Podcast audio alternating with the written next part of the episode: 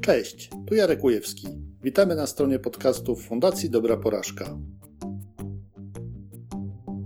Zawsze e, miło mi rozmawiać z Agnieszką Lewandowską.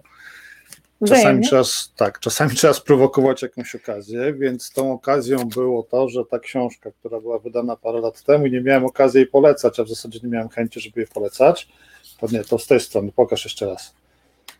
Teraz jest, teraz jest nowe wydanie. O, i teraz możemy swobodnie tą książkę polecać, ponieważ możecie ją po prostu kupić. Nie? Powiem nawet więcej, dzisiaj możecie ją nawet wygrać. Tu mam specjalny egzemplarz dla osoby, która e, poprawnie odpowie na pytanie konkursowe, które będzie umieszczone, nie wiem, czy u góry, czy na dole, zależy na czym będziecie oglądali. Także czekam, czekam, e, tak jak tam napisałem kilka dni na, na Wasze odpowiedzi na pytanie konkursowe i wśród tych osób, które y, odpowiedzą prawidłowo, wylosuję tą książkę. Pytanie będzie o samolotach, dlatego że ta książka zaczyna się, no może nie, zaczyna się medycyną, ale jest w środku dużo o samolotach, e, ale też jest w środku dużo różnych innych rzeczach, które dobrze zamyka e, podtytuł tej książki, zaskakująca prawda o nauce na błędach. E, Agnieszka, zwróciłem uwagę na Twoją recenzję tej książki i już wiem, że też Ci się podoba, a powiedz, dlaczego Tobie się podoba. Mi się ona podoba, dlatego że biorąc pod uwagę moje przygody i w świecie korporacyjnym, związaną z, z, związanymi z innowacją i ze startupami, trochę przeglądałam się w niej jak w lustrze. Znaczy, widziałam e, uzasadnienie błędów, czy tego, co z tymi błędami robimy, czy ja nawet sama e, robię, e, w, w zależności od kontekstu biznesowego, w jakim się znalazłam. I pomyślałam sobie, że z jednej strony uczenie się na błędach to jest taka oczywistość, ale jak patrzymy, ile jest obszarów w naszym życiu i w ogóle autor też podaje takie przykłady, na które na co dzień się pewnie nie, nie spogląda, no to niby to jest dla nas oczywiste, żeby uczyć się na błędach, a jednak tego nie potrafimy robić do końca. E, rozmawialiśmy przed chwilą o tym, że e, jeszcze przed wejściem na wizję, że e, ta książka ma Twoje słowa tak dużo różnego rodzaju historii, dużo różnego rodzaju przykładów, że w zasadzie, czemu ja pokazuję starą wersję, że w zasadzie, że w zasadzie można by ją czytać kilka razy, za każdym razem odkrywając coś nowego, no bo pamięć jest ulotna i wszystkiego nie pomieści. A masz jakąś swoją ulubioną historię z niej? Mi chyba najbardziej podobało się zestawienie w ogóle tego e, sektora lotniczego, który w, w taki sposób ewolucyjny bo o tym jest też w tej książce, dochodzi do tego, w jaki sposób się doskonalić i uczyć na błędach, i sam proces też jest doskonalony e, z medycyną. I to, że e, ludzie, którzy podejmują się zawodu lekarza czy medyka, e, którzy chcą pomagać innym, w sposób systemowy i nieświadomy też unikają e, tej nauki na błędach. I to mi pokazało, że nawet jeżeli jesteśmy na poziomie racjonalnym czy biznesowym bardzo świadomi tego, że nauka na błędach, wyciąganie wniosków, analiza to jest coś, co jest e, czystym dobrem, to jest wiele poziomów też indywidualnych, psychologicznych, e, które powoduje, że tego nie robimy. E, więc myślę, że zdarzenie tak jakby tego lotnictwa z mm, medycyną, z obszarem e, zdrowia był dla mnie takim. On, to jest motyw, który powtarza się w książce w kilku miejscach, ale on jest taki najbardziej kontrastujący i taki uderzający. Słuchajcie, nie bez powodu jednym z, z recenzentów i polecających książkę jest dr Maciej Lasek, e, czyli przewodniczący Państwowej Komisji Badania Wypadków Lotniczych latach 2012-2016. E, właśnie z tego powodu, o którym mówisz, tak? E, książka zaczyna się e, trochę jak u Hitchcocka, taką dosyć skrajną sytuacją związaną z medycyną. Później jest właśnie przejście do lotnictwa, też jest kilka przykładów skrajnych sytuacji, ale to, co mnie na przykład bardzo mocno uderzyło, mm, to jest zupełnie inna kultura podchodzenia do błędów, podchodzenia do niepowodzeń jaka jest pomiędzy e, tą korporacją medyczną, tak, czyli tymi wszystkimi osobami, które parają się zawodami medycznymi, a tym, co się dzieje w lotnictwie. E, mnie bardzo mocno uderzyła właśnie ta historia związana też z lotnictwem, e, gdzie i medycyną, a w zasadzie bardziej z medycyną niż lotnictwem, gdzie w trakcie badań, które były przeprowadzone w Stanach w 2013 roku, jeśli dobrze pamiętam, stwierdzono, że rocznie z powodów błędów w sztuce medycznej, ale to nie mówię tylko o lekarzach, ale też o pielęgniarkach, o salowych, o wszystkich zawodach medycznych, z powodu błędów, które tam są popełniane, ginie tak dużo osób, jakby codziennie spadały cztery samoloty turystyczne pełne pasażerów. No. Dla, dla, mnie, znaczy w ogóle tak nawiązując trochę do tego, ale też do tego, o czym mówiliśmy wcześniej, że ta książka jest nafaszerowana przykładami z różnych branż i segmentów. Ja, ja też pamiętam taki przykład, nie chcę też e, zdradzać, ale związany z efektywnym altruizmem, czyli tym, jak skutecznie pomagać innym. I że to też można mierzyć i można sprawdzać, i czasami e, przez to, że jesteśmy zapatrzeni w jednym kierunku, nie widzimy szerszego kontekstu i ciężko nam znaleźć jest efektywne rozwiązanie. I to też było dla mnie mega ciekawe. Mhm. Słuchajcie, tylko tak, książka jest nie tylko o, o medycynie, o lotnictwie, o prawie, o sporcie i jeszcze jest też o startupach i biznesie. Innych rzeczach właśnie. Jest też o startupach i, biznesie, i biznesach. E, I dzisiaj to tak się mówiliśmy z Agnieszką, że skupimy się na tej części z bardzo prostego powodu. E, Agnieszka jest wielbicielką eksperymentowania w biznesie, wielbicielką testowania produktów. Dobrze mówię? Tak, ja odkąd w 2008 roku zaczęłam pracować ze startupami, szukałam różnych narzędzi do tego, żeby, mm, żeby startupy nie były takim e, magicznym e, black boxem. E, czyli nie tym lotniczym, tylko takim, którym coś wrzucamy i potem coś wychodzi. E, czyli nie, i... żeby nie były, żeby były czarną skrzynką, nie czarną dziurą, tak? tak, to jest dobre. E, I odkryłam w pewnym momencie taką metodykę, która się nazywa Lean Startup. O tej metodyce zresztą jest wspomniana w, też w metodzie czarnej skrzynki i ona opiera się na tym, że robiąc biznes, wszystko, co robimy, jest pewnego rodzaju hipotezą i naszym obowiązkiem jest ją zweryfikować. I eksperymenty są częścią tej weryfikacji. E, dlatego też e, pisząc komentarz e, na temat tej książki, stwierdziłam, że ona powinna być prequelem do, do Lean Startup Erika Risa, żeby tak naprawdę pokazać sposób myślenia, z którym warto wchodzić w robienie startupów. Czyli? E, czyli z otwartą głową, z taką ciekawością, z, mm, bo eksperymentowanie i popełnianie błędów e, i porażki to jest coś, na co trzeba być gotowym, żeby potem móc wyciągnąć wniosek i dokonać, dokonać analizy, wyciągnąć wniosek, żeby wyszło z tego coś dobrego. Czyli e, nie wchodzić z zamkniętą głową, bez ciekawości, tylko właśnie być takim, ok, to co się stanie? Ja pozwolę sobie mm, na taki off-topic. Kilka lat temu pracowałam w jednym pokoju e, z koleżanką, która na tablicy powiesiła e, grafika. Grafika e, z odmentów absurdu.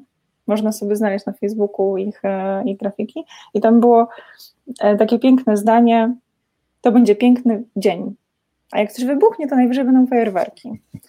I wydaje mi się, że to jest takie podejście, które jest bardzo ważne, jeżeli chce się prowadzić eksperymenty i y, od, trzeba być gotowym na fajerwerki. E, wiesz co, super, super w ogóle z, z tą metaforą tych wybuchów i fajerwerków, to myślę, że to jest to, o co chodzi, jeżeli zaczynamy coś nowego. Mm, też tutaj w tej książce jest taki przykład, e, pozwolę sobie zajrzeć, żeby nie przekręcić nazwiska, bo to wiecie. E, Drew Huston. Nie wiem, czy ktoś pamięta, kto to jest. E, gościu wymyślił kiedyś, żeby stworzyć taki dysk sieciowy. Nie? No i zaczął opowiadać o tym dysku sieciowym jakimś potencjalnym inwestorowi. Oni powiedzieli, ale pogrzeba nam dysk sieciowy, już tych dysków sieciowych jest od metra. Ale on miał trochę inną koncepcję, co to, jak to powinno działać. E, no i cóż, mógłby postąpić wzorem wielu innych już nieco siwiejących startupowców albo zupełnie młodych i napisać po prostu taką aplikację, tak, i zacząć ją sprzedawać. Natomiast on postanowił zrobić coś innego, no bo tak, skoro mówią, że ten pomysł to jest nie do końca dobry, to wiecie, to tak jak z, tym, z, tą, z tą anegdotą, tak, że jak ci 10, 10 osób mówi, że jesteś pijany, to nie wsiadaj za kółko samochodu. E, więc on też tak stwierdził, że nie jest do końca pewien, czy to faktycznie tak ma być i postanowił zrobić eksperyment, który wcale nie był drogi, bo eksperymenty nie muszą dużo kosztować, o czym pewnie za chwilę więcej jeszcze powiesz. E, nagrał film, którym po prostu zanimował, jak to wszystko ma działać. Jak ma działać to całe rozwiązanie. Zdradzę Wam od razu, że on stworzył Dropboxa i po prostu pokazał koncepcję Dropboxa na tym filmie i dopiero wtedy ludziom otworzyły się oczy i powiedzieli, to byśmy wzięli To jest coś zupełnie innego, zupełnie nowego w stosunku do tego, co było. E, także samo eksperymentowanie nie musi kosztować dużo. Zgadzasz się? E, zgadzam się. Pracuję akurat teraz, czyli maj 2021, dla tych, którzy obejrzą to później, ze startupem, który w ramach inkubatora tworzy w ogóle, chcąc przetestować i sprawdzić, czy rozwiązanie, które mają w głowie, e, jest dobrą propozycją wartości dla klientów, tworzą landing page'a i puszczają kampanię, żeby zobaczyć, czy mm, to faktycznie e, będzie coś, co będzie interesujące dla potencjalnych klientów, ale zanim stworzyli landing page'a, wykonali jeszcze jedną pracę domową, czyli porozmawiali z klientami. Bo wydaje mi się, że i w tym e, przykładzie Dropboxa i w ogóle w takiej metodyce zwinnej ważne jest to, że tworzy się produkty w oparciu o potrzeby klientów razem z klientami.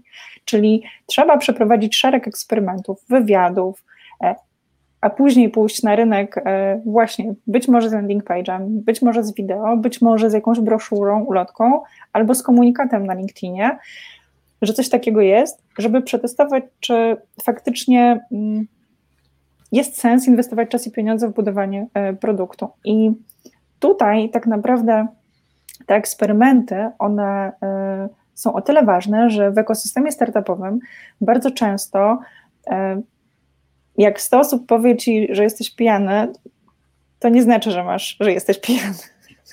pozwolę się odnieść do tego przykładu, okay. bo, bo to jest trochę podchwytliwe. Zadaniem ekosystemu startupowego, czyli takich osób, które są mentorami, tutorami, wspierają, dzielą się wiedzą, doświadczeniem, y, na tym pierwszym etapie budowania startupu e, ich zadaniem jest też motywacja, bo bardzo trudno jest założyć startup. To wymaga wiele odwagi, e, mm, wiele tak naprawdę czasu, pracy i bardzo często chodząc na imprezy startupowe, na eventy, no teraz jest trochę gorzej, ale mm, mówimy o swoim pomyśle, bo szukamy akceptacji otoczenia. I dużo osób głaszcze nas tak przysłowiowo i metaforycznie po głowie, mówiąc tak rób, to jest super, spróbuj.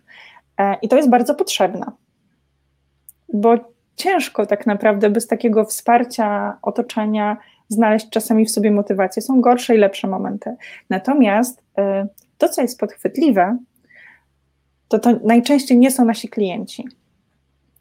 I szukając akceptacji w ekosystemie, czasami mylimy to z akceptacją taką rynkową i biznesową. Więc te eksperymenty są dla nas takim punktem odniesienia, że to nie mama, to nie tata, nie koledzy ze studiów, nie koledzy z eventu czy z innych startupów powiedzieli super, to my ci pomożemy, tylko potencjalni klienci dają nam odpowiedź na pytanie, w którą stronę należałoby podążać.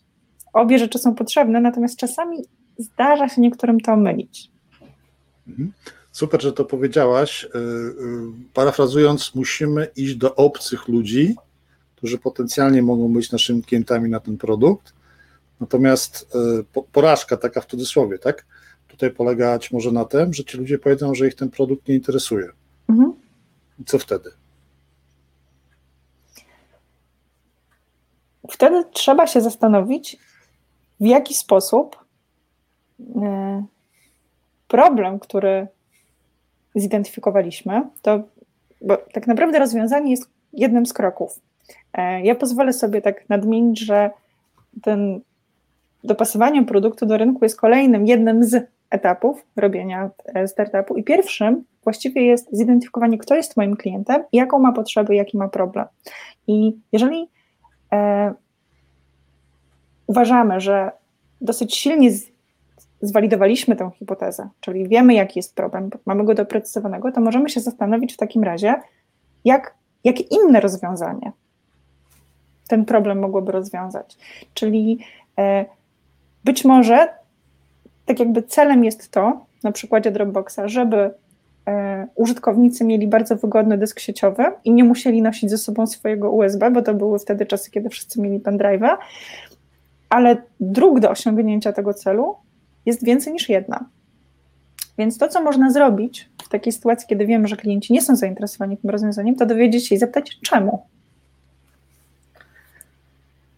Super, super, że to tutaj y, padło. ja ze swojego, może krótkiego, ale dosyć intensywnego okresu współpracy z inkubatorem Starter w Gdańsku i mentorowania z startupom, pamiętam taką historię, gdzie jeden ze startupów y, wymyślił, opracował urządzenie, które się nazywało ekspresem do drinków. Trochę jak ekspres do kawy wyglądało. Mhm. E, w, I zaczęli, grupa fajnych ludzi z mocną wiedzą techniczną, plus jeszcze mieli taką dziewczynę kreatywną mocno, e, zrobili, jakby wymyślili, jak to ma wyglądać, e, zaczęli, zaczęli konstruować prototyp. Namówiłem ich do tego, żeby jeszcze nie mając prototypu, poszli do potencjalnych swoich klientów. Oni wtedy jeszcze nie do końca byli pewni, kto to był, ale była pewna teza, tak? Tezą było to, że klientami są właściciele hoteli. Bo to będzie fajne urządzenie, żeby postawić w nocy na półce. Tam można było też e, płacić kartą czy jakimś kodem żeby można było na barze postawić, jak nawet mhm. nie będzie barmana, żeby można sobie drinka było strzelić. No i poszli, poszli do pierwszego hotelu, przyszli potem na, na kolejne spotkanie ze mną i mówią, że szef hotelu powiedział im, że w ogóle nie jestem zainteresowany. To jest w ogóle bez sensu. Nie? No i teraz na szczęście byli wcześniej przygotowani i zadali pytanie, czemu? Czemu, czemu, czemu pan taką opinię daje, że to, to jest dla pana niepotrzebne? Y, czemu to Pantera nie pasuje. No i wtedy się jakby otworzył worek ze skarbami, bo się mhm. dowiedzieli, że po pierwsze, gościu sobie nie wyobraża, jak to będzie stało u niego na półce, na, na, na barze, a mieli tylko, poszli do niego tylko z kartką, na którym był model 3D wydrukowany. Mhm. Więc na drugi raz do drugiego hotelu poszli, nanosząc ten model 3D na zdjęcie z baru z tego hotelu. To już jedna przeszkoda poszła. E, po drugie, e, w, firma, która dostarcza do nich wyposażenie i wszelkie trunki jest jedna i oni nie chcą mieć tych firm 15, więc to już tutaj zapaliła się lampka pod tytułem, to może nie trzeba rozmawiać z właścicielami hoteli, tylko z ich dostawcami. Nie? I tak, Zmienia się wtedy klient. Tak, i tak po, krok po kroku, nawet nie wiedząc dokładnie, kto może być tym klientem, właśnie zaczęli budować sobie e, wizję, ten model biznesowy, tak? Komu tak naprawdę mhm. będzie to sprzedawane, i jakie to będzie y, ich potrzeby zaspokajało. No bo umówmy się, często jest tak, że ludzie y, nie zakładają startupu dlatego, że y, chodzą i szukają problemów biznesowych, nie? tylko mają po prostu jakąś ideę i mówią, hmm, fajny pomysł, wygląda atrakcyjnie i teraz spróbujmy ten klocek zobaczyć, czy on wejdzie do okrągłej dziurki, kwadratowej czy trójkątnej. Nie? Ale to też jest e, w kontekście e, popełniania błędów i nauki na błędach, to też jest e, taki bardzo niebezpieczny moment, bo faktycznie to jest tak, że ktoś ma pomysł na startup, to przychodzi i mówi, chciałbym zrobić, czy chciałabym zrobić aplikację mobilną, platformę, marketplace, cokolwiek. I robiąc ten pierwszy etap, czy przechodząc przez ten pierwszy etap, Customer Problem Fit, często rozmawiają z klientami przez pryzmat rozwiązania czy, czyli mając z tyłu głowy jakieś rozwiązanie i e, dostają taki komunikat, e, słuchają tylko przez pryzmat tego rozwiązania, które mają z tyłu głowy. I to jest takie false positive, czyli przeszedłem, przeszłam szkolną, metodyczną, teoretyczną drogę, tak, już wiem, e, mam ten problem, mam tych klientów, to teraz buduję rozwiązanie, bo potwierdziłam to, tę hipotezę z takim już wyszłam z tym, czym chciałam. I mhm. to jest w ogóle ciekawe, bo ja teraz pracuję e, właśnie e, ze studentami, którzy chcą stworzyć platformę dla mm, korepetytorów i dla uczniów, którzy pobierają korepetycje, a właściwie nawet lekcje dodatkowe. I jak zaczęli pracować w inkubator e, nad tym pomysłem, to myśleli o perspektywie użytkownika, czyli tego ucznia, który ma problem, bo szuka szuka korepetytora, szuka lekcji. Natomiast w trakcie rozmów okazało się, że właściwie to nie jest ich grupa celowa, czyli to jest other significant users, jakby powiedziała kanwa modelu biznesowego, natomiast ich klientem jest ten nauczyciel i to jego potrzeby powinny być stawiane w pierwszej kolejności, na pierwszym miejscu, e, więc zupełnie wykonali zwrot w kontekście tego, czym jest rozwiązanie i jak, czym, okazało się, że problem jest inny, w związku z tym rozwiązanie też okazało się być innym, e, innym zupełnie niż myśleli na początku. Mhm. To też pokazuje, że tak naprawdę trzeba gdzieś e, wrócić myślami do tej takiej, tego podstawowego problemu, nie? Nie tego, który, jak powiedziałaś, że, że już mamy rozwiązanie dla jakiejś tam części, Tylko po co jest platforma, czemu ma służyć taka, tego typu platforma? Czy ona ma służyć do tego, żeby uczniowie znajdowali korepetycje, czy też żeby jedna i druga strona jakoś tam się spotykała, albo żeby może nauczyciele właśnie mieli miejsce, gdzie mogliby zapraszać uczniów do współpracy. E, to Pamiętam jest w ogóle. Taki... Okej, okay, To jest w ogóle o tyle ciekawe, że e, to wymaga, e, mm, i akurat ci twórcy startupu mają tę cechę, ale takiej niesamowitej otwartości w tej eksploracji tego problemu, czy doprecyzowaniu go potem, żeby zrozumieć, gdzie właściwie leży problem. I nie ma innej metody, żeby się o tym dowiedzieć, niż pójść po prostu i porozmawiać e, z tymi, których uważamy na dzisiaj za klientów. Pewnie są, ale ja nie znam innej skuteczniejszej na tym etapie. No, też, no, to zaraz, słuchaj, dowód, tak? Jeden, jeden z dowodów, firma 3M, znana pewnie paru osobom, Zespół projektowy zaczął korzystać z pomocy Early Adopters już na etapie projektowania. Po pewnym czasie porównał skuteczność obu podejść, czyli starego, najpierw sobie wymyślamy, idziemy z tym na rynek, nowego, czyli najpierw się pytamy, a potem wymyślamy. Produkty opracowywane i rozwijane z wykorzystaniem strategii aktywnego udziału użytkowników przyniosły średnio 8 razy więcej niż produkty projektowane przy użyciu tych starych metod. E, już nie mówiąc o tym, jak e, często e, nie mijali się z potrzebami i celami, tak? bo to też jest przecież koszt. A to jest chyba tak jak w zarządzaniu projektami technologicznymi metoda waterfallowa i zwinna. To nie wchodźmy w tą dyskusję. Dlatego, że ja prowadząc kiedyś szkolenia z metody waterfallowej Prince 2 dokładnie, miałem często właśnie takich uczestników, którzy mówili, ale to, to w ogóle jakaś starość jest, nie? Już teraz wszystko agile, agile, agile. Natomiast zmieniali trochę zdanie pod koniec, jakim pokazywałem, że to nie jest kwestia, czy będziemy brali metodę A, B czy C, tylko w jaki sposób tej metody użyjemy, tak? Bo mówmy się, biznes model Canvas czy Lean model Canvas, które są super narzędziami, też mogą nas zaprowadzić na manowce, jeżeli nie będziemy potrafili z nimi w rozsądny sposób pracować, tak? Tak, ale to z każdą metodą faktycznie tak jest. Mm. E, także to, to, to trzeba uważać. E, właśnie a propos jeszcze tych, e, tych klientów, pamiętam jakiś mhm. taki przykład, który był na konferencji PDMA, PDM, PDMA pokazywany. Product. O Jezu, dobrze, nie przypomnę sobie, przepraszam, napiszę w komentarzu i dam link do, do, do, do mm, tej organizacji. W każdym razie to jest organizacja zajmująca się właśnie tym, w jaki sposób konstruować dobre produkty. Tak, mają tam swoje metodyki, swoje właśnie konferencje. I pamiętam e, przykład z jednej z konferencji, gdzie prelegent opowiadał e, o urządzeniu monitorującym e, parametry życiowe niemowląt.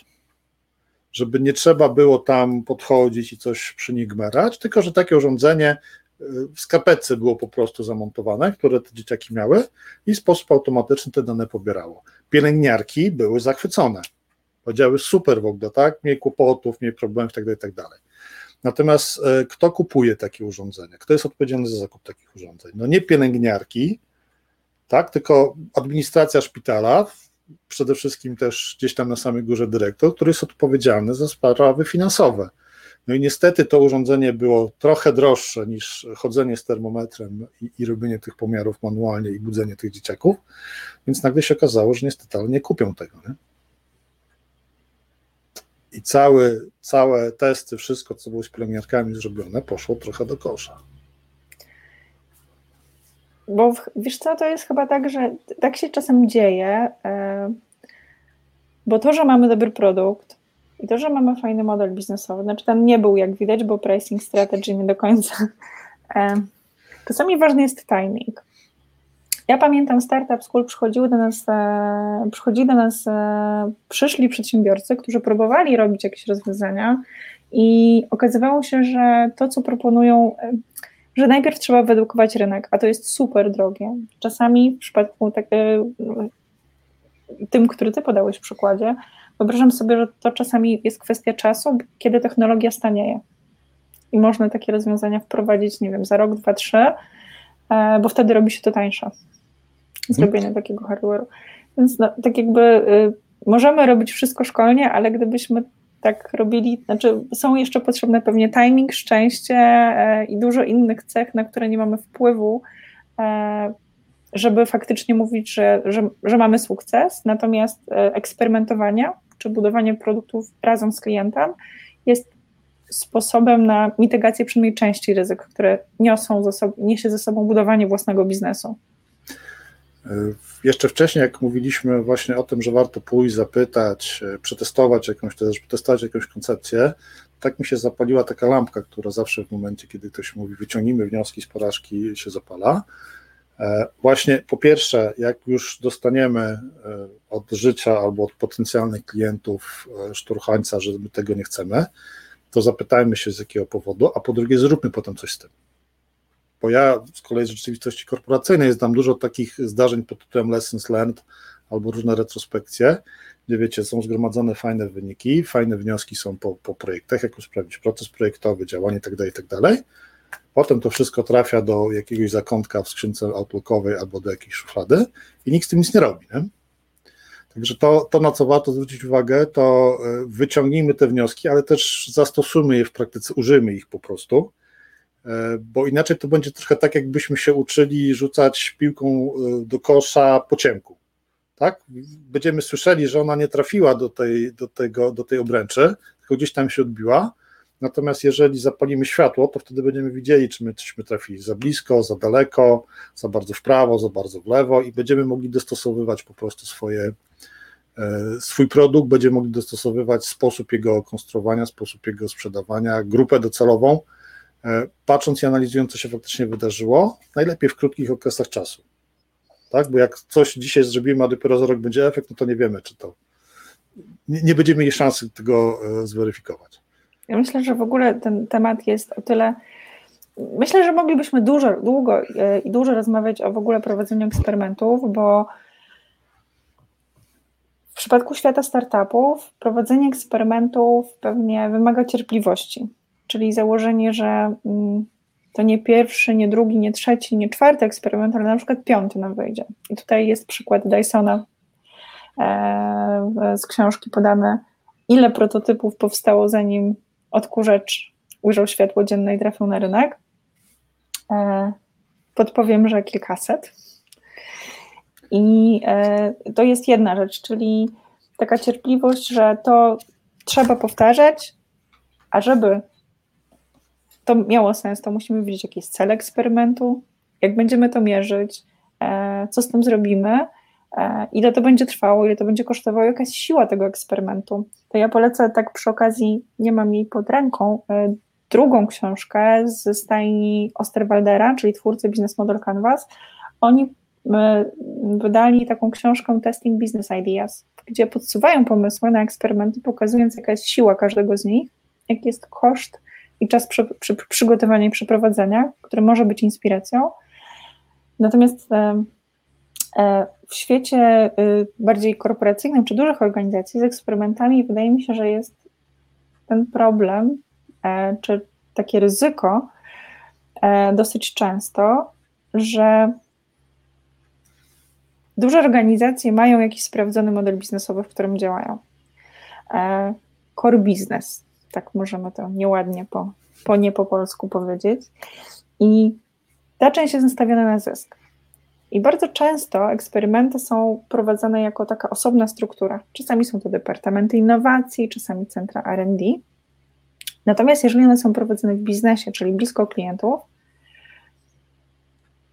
to na koniec roku fiskalnego wszystko musi się zgadzać. Nieważne, co tam się działo po drodze, musi być wynik.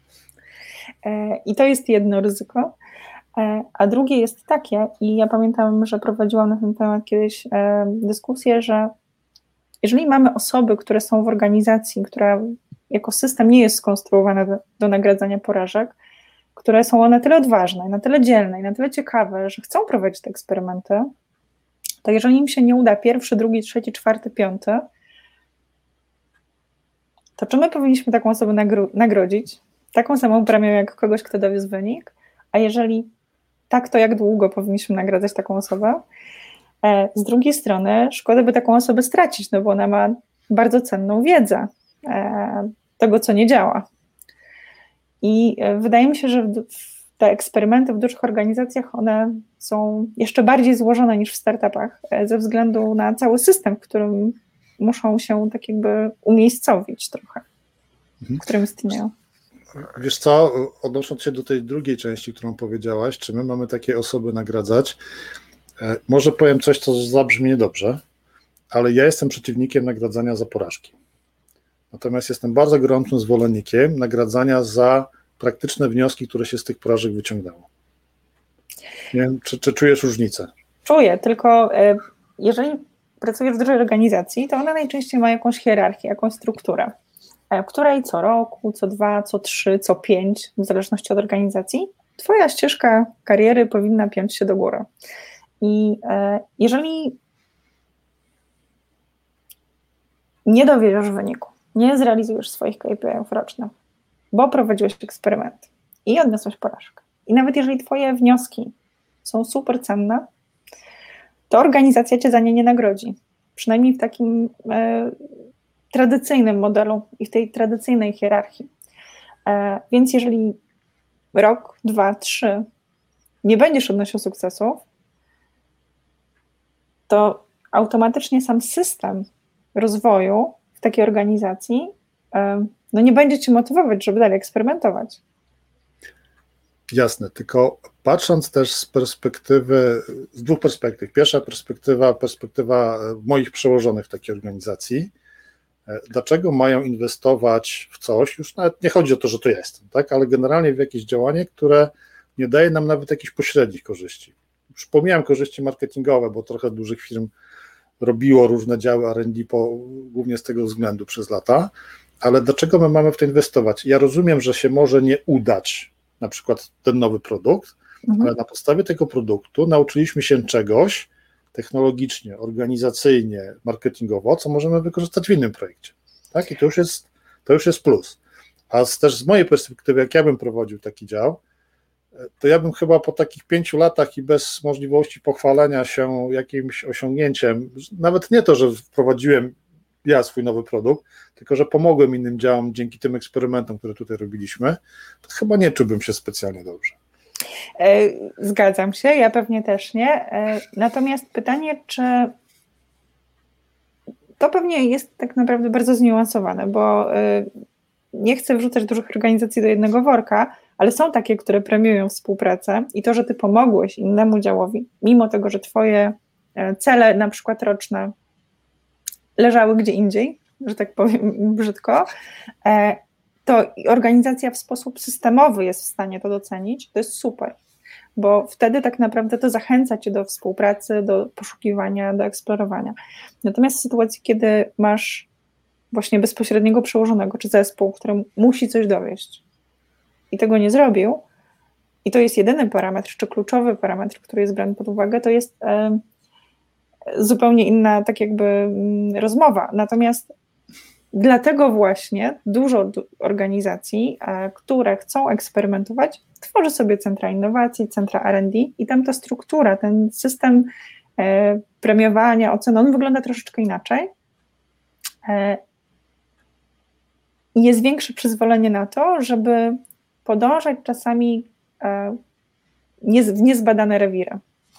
Czyli jeżeli nasz główny biznes polega na tym, że robimy doniczki, to może teraz spróbujemy zrobić, może nie konewki, ale zajmiemy się, nie wiem, e, jakimiś bakteriami, które e, przyspieszają kompostowanie. Przepraszam, że takie ogrodnicze odniesienia właśnie.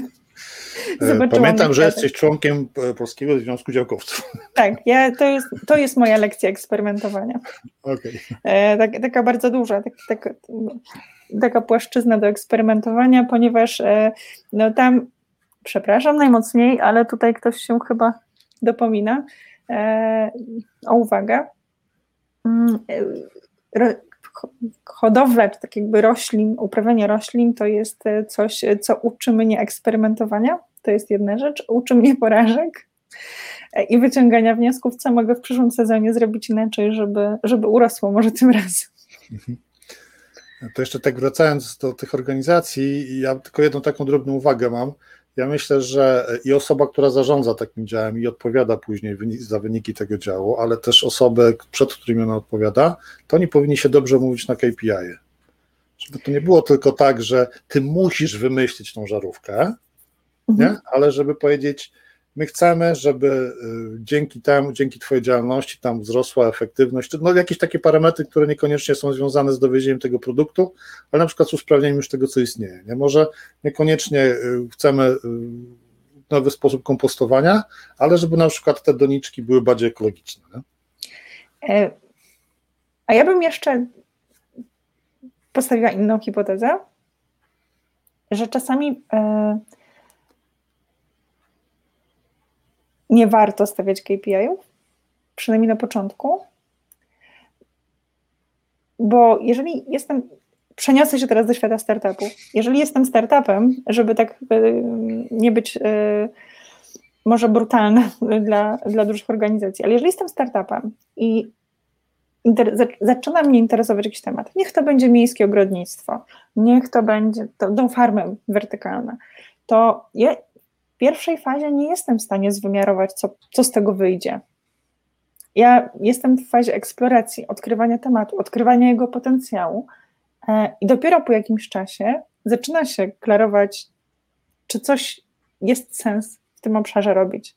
I wtedy można się okpi-ować i zastanowić się tak jakby, co my chcemy w tym obszarze e, sprawdzić. Więc ja postawiłabym taką hipotezę, że może na początku nie warto stawiać KPI-om taki, takim, e, takim e, departamentom, zespołom, żeby one zobaczyły, jak w ogóle to eksperymentowanie na początek w tym systemie i w tej organizacji w ogóle może działać, jak ten proces e, może być efektywny, jak, ale tak jakby nie zagrażający temu głównemu biznesowi, a dający mu wartość w jakiś sposób. Mhm. Super. Słuchaj, zostawimy ludzi, którzy nas słuchają, oglądają, niech sobie przemyślą ten temat sami, wypracują swoją opinię. Mają tutaj różne poglądy, różne, różne spojrzenia. Dobrze. E, wracając jeszcze trochę do tego, co, co jest mm, dzisiejszym, dzisiejszym tematem. Znowu wziąłem starą wersję. Co jest dzisiejszym tematem. Ja myślę, że też jedną, jedna cena. To jest rzecz, takie to... lansowanie się, bo wiesz, teraz wszyscy tak. będą mieli taką, a ty będziesz miał inną.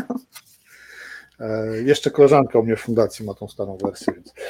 E, w każdym razie to, co jest jeszcze fajne w tej książce, mi się wydaje, to jest takie pokazanie, jak E, uczenie się na błędach i pewne techniki, które zostały przez lata wypracowane w lotnictwie, zaraz powiem dlaczego, akurat w lotnictwie, jak one mogą funkcjonować w zupełnie innych obszarach.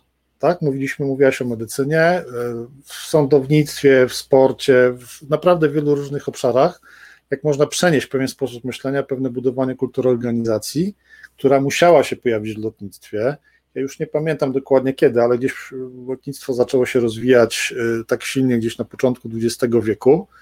Y, gdzieś wyczytałem, ale teraz nie dam sobie urwać nic, czy, czy nie pomyliłem liczb, ale gdzieś wyczytałem, że kursy na pilotów przeżywało kiedyś mniej niż połowa uczestników. Y, równie ryzykowne było latanie pasażerskie, które stosunkowo szybko się pojawiło.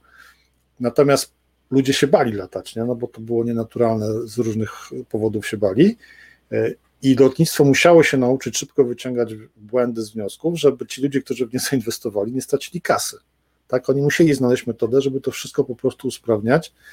I od tamtych czasów takie podejście zbudowane. Coś nie działało, zobaczmy dlaczego, naprawmy to.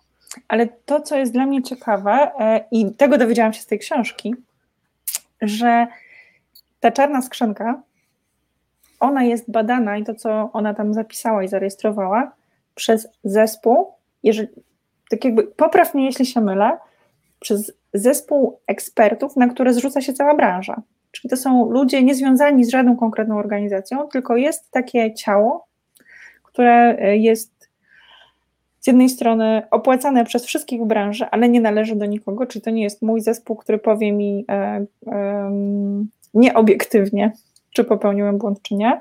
A po drugie, ten raport jest publiczny potem dla wszystkich, którzy tak jakby są w, branży. I to jest dla mnie coś niesamowitego, bo nie znam chyba takich branż. Zakładam też, że być może nie znam wielu branż i tak jakby tego, jak działają od środka, ale nie słyszałam wcześniej o takim przypadku, kiedy faktycznie branża zrzucałaby się na ocenę błędów u, jednej z firm e, i potem publikowała wnioski mm, dla pozostałych. Mhm.